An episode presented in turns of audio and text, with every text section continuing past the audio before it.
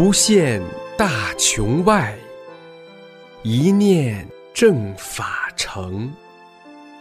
师尊慈悲愿，万物沐春风。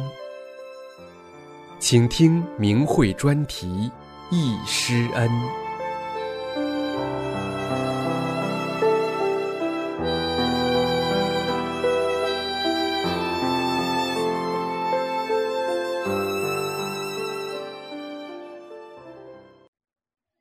听明慧忆师恩专题文章，题目是《回忆师尊在长春讲法的日子》。文章发表于明慧网，二零零八年十月一日。回想起您传法的日日夜夜，泪水啊，再次洒满胸前。每当我聆听《师恩颂》这首歌时，泪水就不由自主地流淌。历经九年的磨难，每当在磨难中，只要想起伟大的师尊，心中的阴云顿时被大法的慈悲驱散。我深深的感到，得了大法的生命是多么幸福，尤其是作为大法弟子，作为师尊亲自救度的生命是何等的自豪！大法的光辉永远照耀在苍宇间。下面我把自己参加师尊讲法的一些回忆写出来，与同修们分享，同时也见证大法的辉煌和师父的伟大。第一部分，参加长春第六期法轮功学习班。一九九三年七月，我参加了师尊在长春举办的第六期法轮功学习班，地点在吉林大学明放宫。第一堂课至今难忘。当时我坐在大约第十二排的中间，靠过道的座位，看师傅很清楚。师傅当时给人的印象就是二十多岁，非常年轻，身材高大，穿着雪白的衬衣，非常简朴。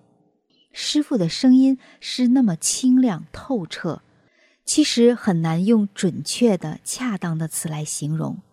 我觉得世界上再也没有谁的声音能与师父的声音相比。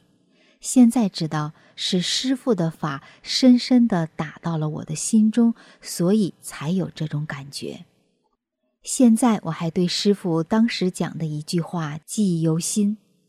师父说：“修炼的人就是一个完全为别人活着的人。”当时我听了师傅的这句话后，很吃惊，不明白什么意思。想当初自己是一个很自私的人，所以才会觉得师傅的这句话很难理解。我作为附近的人都把双手放在腿上，掌心向上，说是要接信息，让我也接。我试了一下，觉得不太好。不知怎的，就想双手合十，心中充满了庄重虔诚，于是就用这个姿势听完了第一天的课。我听得很专注，因为师傅讲的道理太新奇了，从来没有听到过。第二天讲开天目，我就觉得两眉之间的地方好像被什么东西揪住，往里钻。说到这，要讲一件事。因为我的单位离办班地点较近，所以我每天下班后五点就能到。有一天，我有幸与师尊相遇，大约二十多米远。我当时目不转睛地注视着师傅，当时自己完全是一个常人，心中甚是奇怪：这么年轻的气功师，怎么讲出的道理条条是道，知识怎么这么渊博？我从小到大，所有的老师也没有一个能和这位气功师相比。我心中充满了敬佩，师傅的气质、神态，就是到现在我都没有找到一个恰当的词来描绘。现在有许多学员羡慕见过师傅的人，但当时见师傅真的是很容易，因为师傅每天来的都很早，六点开课，师傅五点准到。有时师傅与学员交谈，但是开会的时候多，师傅没有架子，总是平易近人，所以见到师傅的人太多了。记得在学第五套功法时，教功的学员在台上做示范，师傅不辞辛苦，不嫌麻烦，在下面亲自给学员纠正动作。在打手印时，有个动作我做不好，师傅路过看见了，给我纠正过来，至今难以忘怀。在修炼之前，由于在常人的大染缸中被污染，泡在名利情中。我满身业力，多种疾病缠身，苦不堪言。每天一把一把的吃药，开中药一开就是六副，其中最严重的是肾小球肾炎。这个病属于自身免疫性疾病，很难治。后来发展到慢性肾功能不全，到医院一看就是一个月假，医生要求绝对卧床休息，什么也不能干。一干点活，腰疼的要命，病情就加重。我看着别人干这干那，我就像被判了死刑一样，心中痛苦极了。后来到了酸中毒的程度，一天要呕吐几次，不得不服用大量的碳酸氢钠纠正。酸中毒就意味着朝尿毒症发展，濒临死亡。是师傅在一开始办班就给我把病根拿掉了，净化了身体。是李洪志师傅救了我，给了我第二次生命。在学习班快结束时，师傅要求每个学员都要写一篇心得体会。当时我用常人心在想，这么多的人，两千多人。一人写几页，那得多厚一摞子啊！师傅传法那么忙，每个班的人都写，师傅看得过来吗？就没想写，但是师傅又重申了一次，我就写了九页。当时的认识很肤浅，谈不上是什么心得体会。记得我当时是交给了教动作的学员，他很认真地放在皮夹里。我还问他：“师傅真的看吗？”他说：“那当然了，你应该写。师傅每天都看。后来听师傅身边的人讲，师傅在百忙的传法班班中，在旅店里，在列车上那微弱的灯光下，别人都在睡觉时，我们的师傅顾不上休息，在一篇篇的看学员的心得体会。现在想起来，心中还是非常感动。”在传法中，师傅付出的真是常人难以想象的。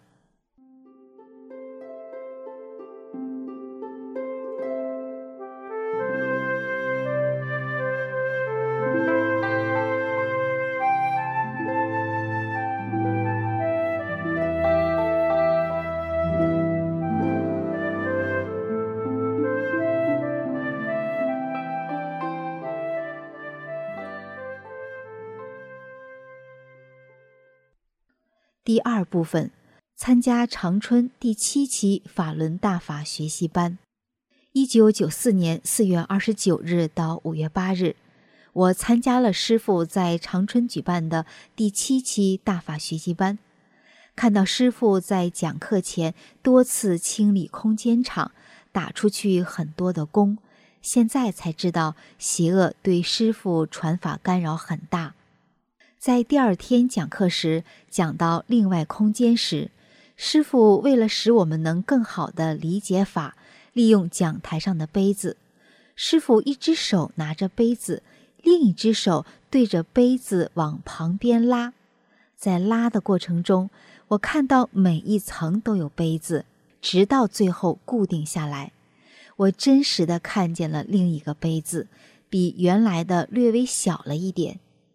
我自己后天观念很重，受实证科学的影响，思想很僵化，看不见的东西就很难理解和相信。师傅这样一开示，一下就明白了。后来，在一九九四年某一天晚上，我没有开灯，一个人在家练神通加持法。刚开始打大莲花手印时，我忽然睁开眼睛，看到从我两手心之间光芒四射。非常好看，我想这一定是师傅让我看到的另外空间的景象吧。这让我更加相信大法，也是师傅对我修炼的一种鼓励吧。第七期、第八期是因为参加的人太多，时间又紧，为节约时间，白天一个班，晚上一个班。这样一来，却苦了师傅。师傅有的时候吃不上饭，休息不了，很辛苦。师傅总是为学员着想，总是为别人好。那年师傅传法的日程安排的满满的，一大张纸，一点空闲时间都没有。师傅为传大法太不容易了，不但要清理另外空间邪恶的干扰破坏，还要奔波各地，吃着最简单的方便面。承受着资金不足等各种艰难，师傅班班收费是最低的，第一个班是五十元，以后再参加减半二十五元。师傅为救度众生承受的真是太多太多了，这是我们永远都无法回报的。师傅讲法不用讲稿，我特别注意过，当时还不理解。师傅每天讲课前，从上衣口袋里掏出一张纸，放在讲台上。师傅讲法深入浅出，风趣生动，有劲，也就是讲得透。很复杂的问题，师傅一句话就能点到实质。师傅有时看一下那张纸，有时根本不看，而且时间掌握得很准。我当时就好奇地想。那张纸上写的是什么呀？好像没有多少字呀，怎么师傅讲起来滔滔不绝呢？现在才明白，师傅讲的是宇宙大法，博大精深，用什么搞呀？而且每堂课还要被学员的掌声打断多次，甚至有时掌声还要持续挺长时间。由此可见，师傅的讲法多么受欢迎。真是深入人心啊！这也体现了师傅传法不做广告、不发通知，完全靠的是大法的威德，而不是用人的办法传。写到这里，我想起了邪恶在诽谤大法时，造谣说师傅的转法轮是别人给编的，简直太可笑了，不值得一驳。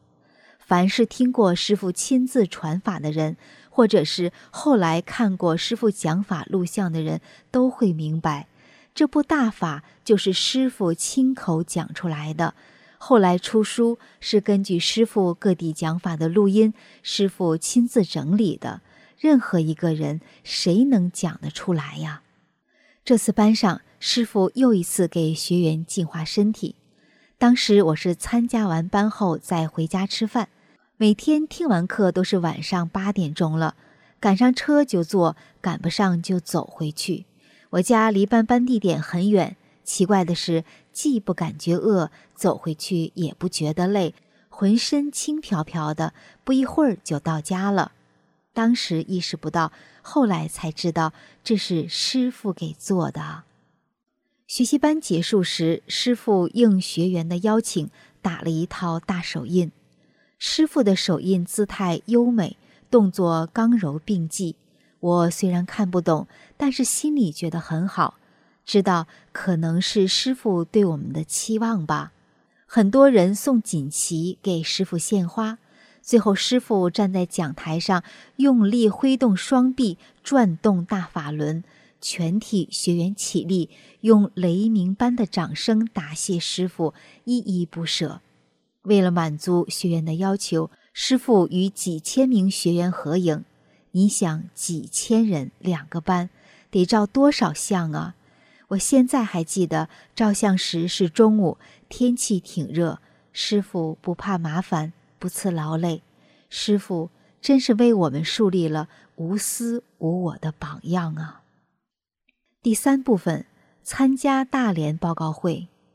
一九九四年十二月三十一日，我参加了师傅在国内最后一次传法大连报告会，地点在大连体育场，去的人很多，大约有六千多人，还有一些人想去，但是没有票去不了。师傅是刚刚结束了在广州第五期学习班，风尘仆仆赶到大连的。那天天气很冷，小雨夹着雪。由于到的比较早，我们哪里也不想去，就在体育场的外面等着师傅的到来。有交流的，有练功的，等了很长时间，大半天的时间，终于等到了入场的时间。当时那么多的人，但是入场却是很有序，偌大的体育场坐满了学员。当伟大的师傅进入会场时，全场学员齐刷刷的一下子全部起立，用雷鸣般的掌声，六千人的掌声，欢迎着远道而来的师傅。师傅双手示意学员坐下。这时，全场学员的目光一下全部聚焦在师傅身上。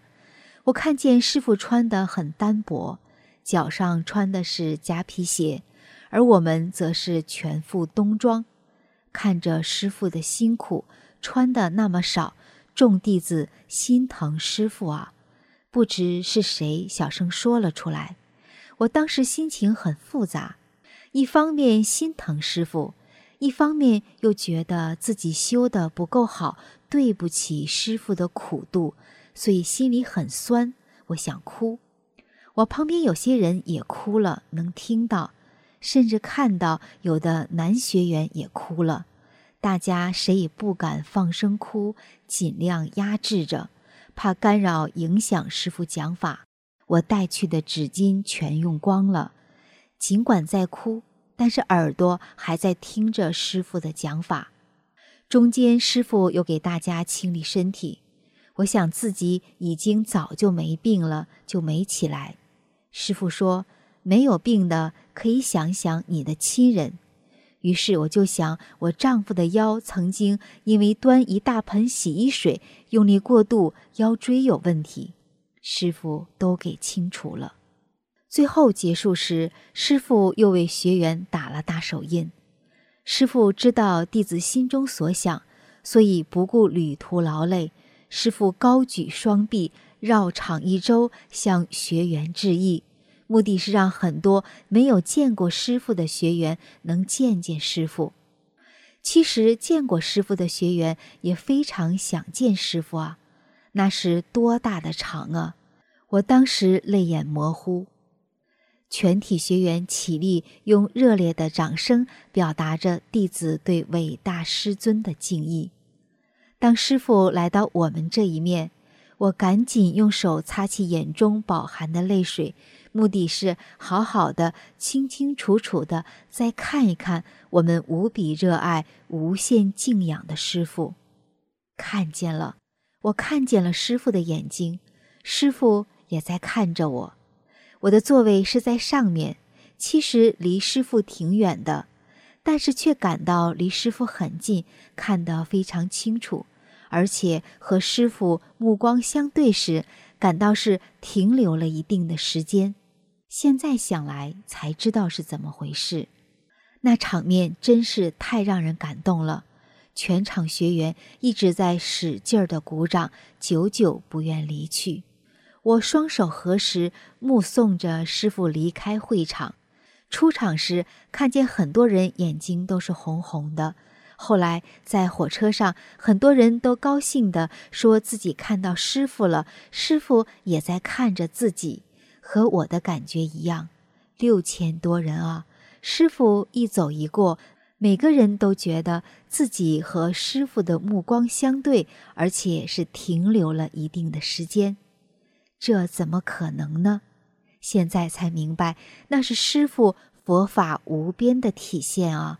师傅的佛法神通无所不能啊！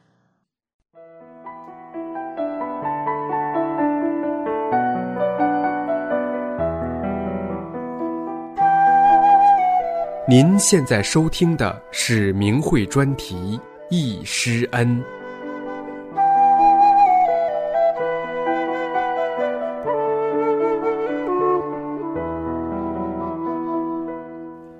写到这里，让我想起大魔头妒忌师傅和大法。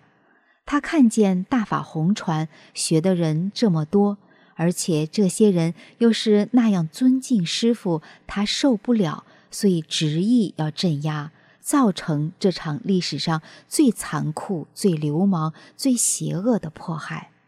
这小丑他怎么能知道和理解大法弟子对师傅的感恩心情呢？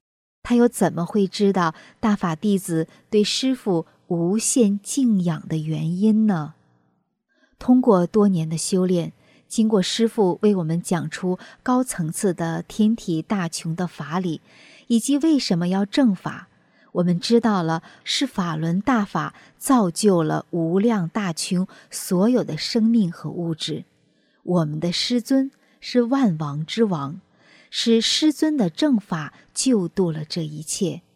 在长达九年的邪恶迫害中，我们真实的感受到了这一切。迫害的当初，是师尊承受了所有天体旧势力邪恶压下三界的业力。否则，三界早就被毁了。伟大师尊为所有生命付出和承受的无法计量，师尊的威德宏贯苍宇，有多少生命，师尊就要承受多少，就要操多少心。因此，所有被救度的生命永远不会忘记师尊宏大的慈悲，永远不会忘记师尊救度之浩荡宏恩。没有这宏大的佛法，没有伟大的师尊，就没有一切。从大连回来后，当天晚上在家里，我看见了法轮，当时心情无比激动。几天后，在梦里又看见了七色光环，很多很大，持续了挺长时间。还看见师傅的法相，金黄色的，由一张一下子变成了无数张。还看到了另外空间的景色，那对我真是巨大的鼓舞。在以后的岁月里，每当我不争气、悲观、消沉时，师傅没有放弃我。用各种方式点化自己，鼓励自己。第四部分，参加一九九八年长春辅导员法会。一九九八年七月二十六日，长春香格里拉大饭店里气氛庄严隆重。我们伟大的师尊亲临会场，为到会的学员和辅导员讲法解法。师傅讲了一会儿，就请工作人员把他的座位垫高。由于没有准备，临时弄了一个像小凳子的东西套在师傅的椅子上，师傅坐在那上面，脚是悬空的，没地方放，胳膊离桌面也远，这种姿势可想而知是非常不舒服的。师傅的目的是为了让学员看师傅清楚些。当时的座椅有些低，师傅为了弟子就是这样讲了五个小时。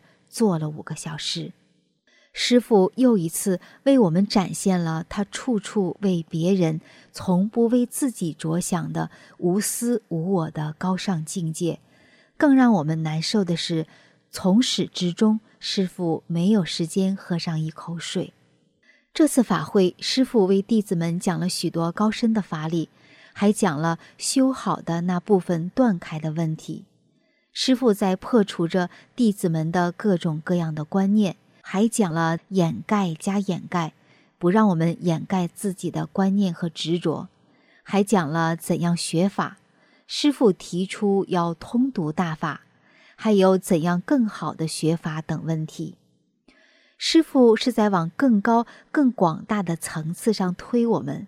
当时大家正在深入学习师尊的挖根。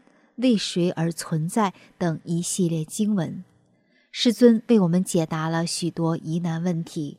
当时全场静极了，师傅的讲法对我们思想上产生了很大的震动，每个人都好像屏住呼吸一样，生怕落下师傅讲的每一个字。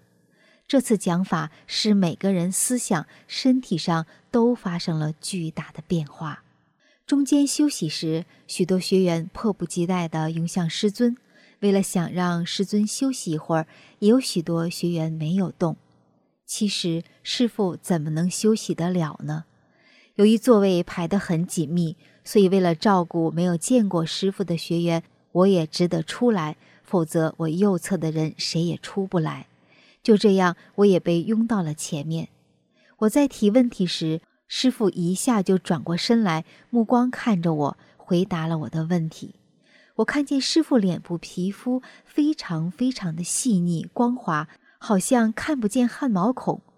后来在师傅的经文中才知道，师傅的来源和我们不同，师傅有自己的体系。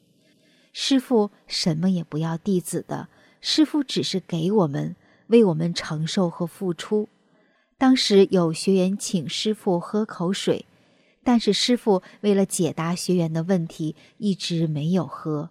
师傅是站着回答学员的问题，也没有休息。后来这件事让很多学员过不去，一想到就难受。师傅讲法解法时，每讲完一个问题，弟子们都报以热烈的掌声。这掌声表达了历经数年的修炼，在理论与实践的升华中，弟子对师对法有了更深的认识后，从心底发出的对师尊的无限感激、无限的敬仰。这也是弟子们对大法和师尊发自内心的赞叹和折服。在那种场合，这是唯一的表达方式。最后，师尊提示我们说，时间已经过去五个小时了，但是我们由于听得十分专注，似乎忘记了时间。当时有些问题提的不太理想，就包括我提的问题也是一样，好像不该提的问题。尽管如此，伟大的师尊还是有办法破除我们的观念和障碍，拓宽我们的思维。把大家应该提高的问题讲出来，师傅讲出了宇宙天体不同层次的法理，讲得很高很广，体现了师尊对家乡的慈悲与厚爱。后来又出了书，对全世界大法弟子都是往高层次上拔，使大家在整体上提高。五个小时，谁也没感到时间长，好像很快就过去了。再讲五个小时，大家也愿意听，鼓掌鼓的手都有点疼了，还是舍不得和师傅分开。现在每当想起师尊，无论在什么场合、什么地点，不管是在家里、走在路上，还是坐在车上，每当想起师尊，总是抑不住自己的泪水，真是千言万语。用尽人类的语言，也表达不了弟子对伟大师尊慈悲救度的感激。我们的师尊为了众生，真的是耗尽了一切。我们的师父真的是太伟大了。我个人的经历只是一小点，师父的功德充满了宇宙，充满了大穷。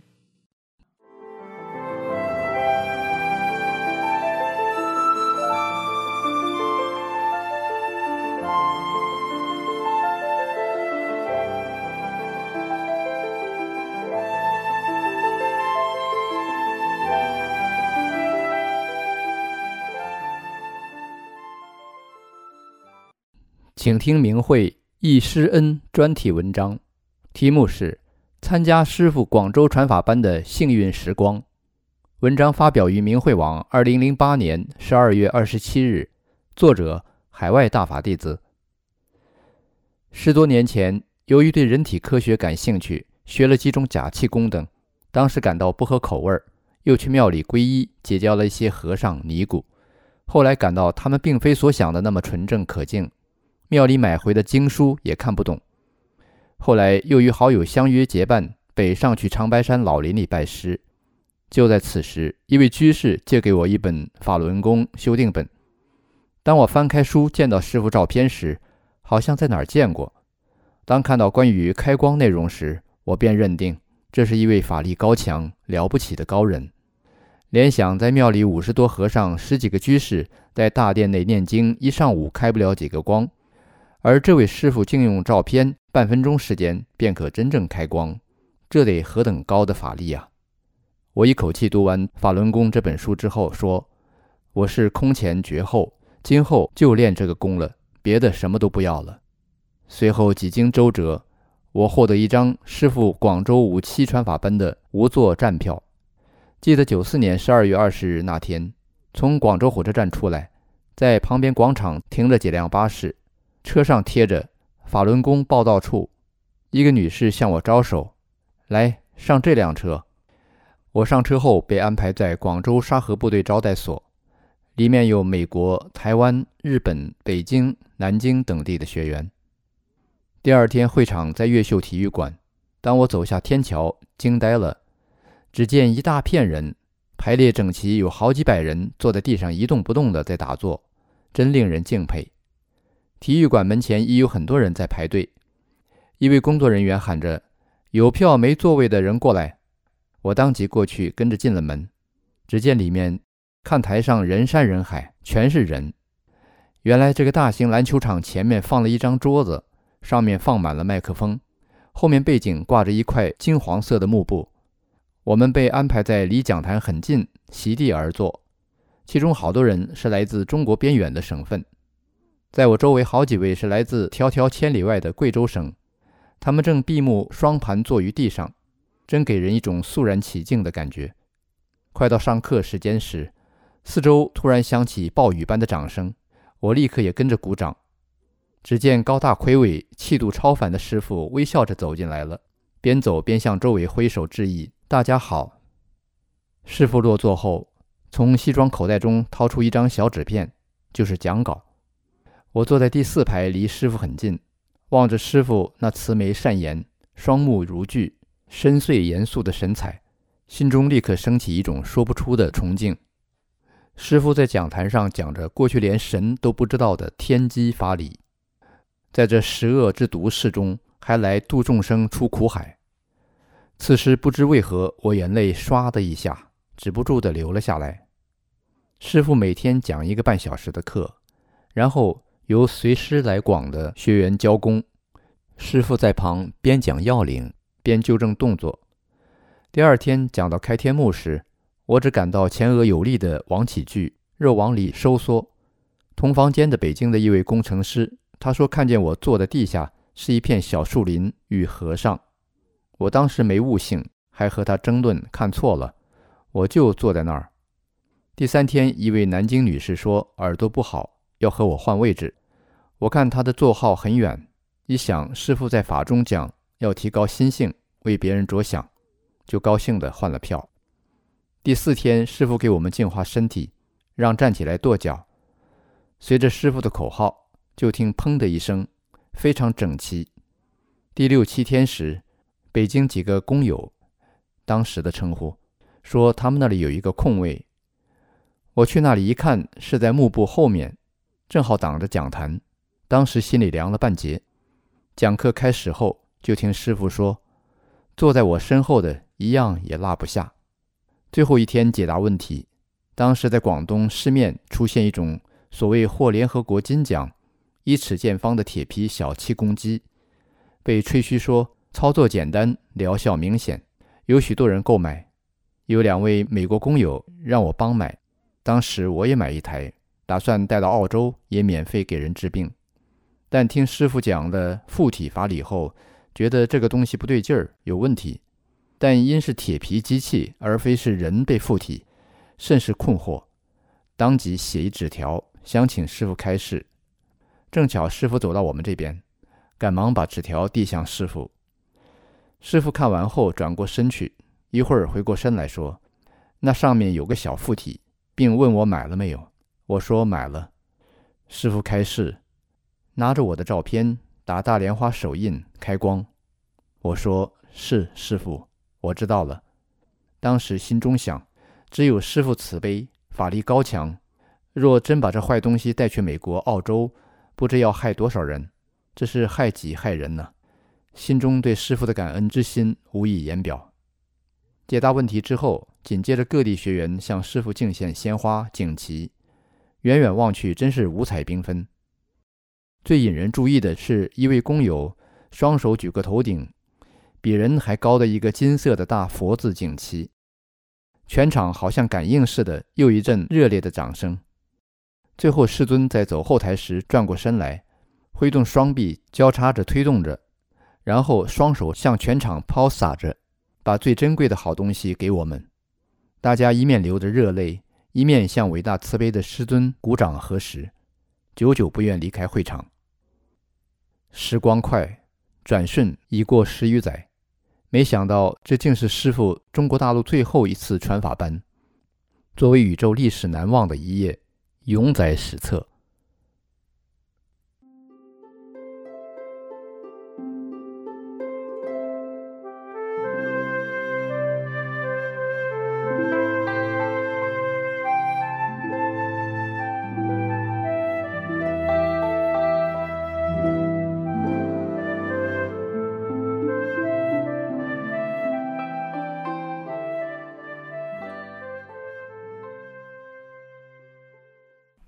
请听明慧忆师恩专题文章，题目是《聆听师父在延吉的讲法》，作者北京大法弟子静宇，文章发表于明慧网，二零零八年九月十八日。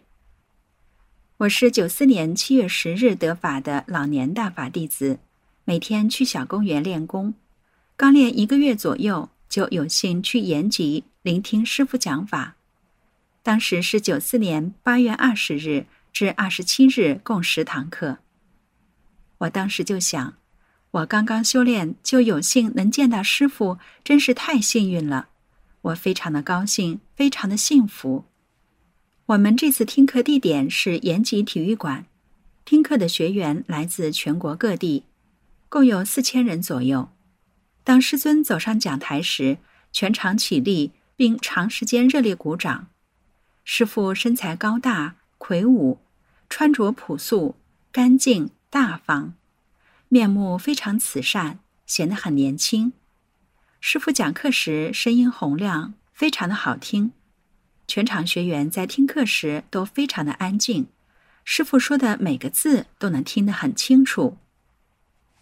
当我听完这十堂课下来，真是受益匪浅，我感觉我的世界观都变了。我好像变了一个人似的，有很多百问不得其解的事情都能用大法去衡量，而且都能找到正确的答案。我真的明白多了，也知道怎样做人了。九四年的夏天非常炎热，我的脖子上前后左右都长满了痱子，因为痒得厉害，老去挠，挠完就痛，不挠就痒，整个颈部都烂了，特别痛苦。我真的有点忍受不了了。我们从延吉回到北京时是八月三十日下午，晚上我洗完澡就睡了。第二天早上，奇迹出现了，我脖子烂糟糟的皮肤完全好了，不痒也不痛了，完全恢复了正常状态。当时我心里别提多高兴了。我想，就是去医院治疗，打针吃药，药好也要十天二十天的呀。这怎么一夜之间就完全好了呢？一分钱也没花，还好的这么快，真是太神奇了。修炼之前，我还有心动过速，还有高血压病，高压一百八左右，低压一百一左右，心跳、血压经常用药维持，一停药就发作。这次从延吉听课回来，这些病状都不翼而飞了。这些年来，通过修炼，使我身体健康。不再受疾病的折磨，还节省了大量医药费。我太感谢师傅了，太感谢大法了。我从那时起就下定决心跟随伟大的师尊修炼到底。作为正法时期的大法弟子，一定听师傅的话，做好三件事：修去人心和执着，修去不好的一思一念，圆满随师还。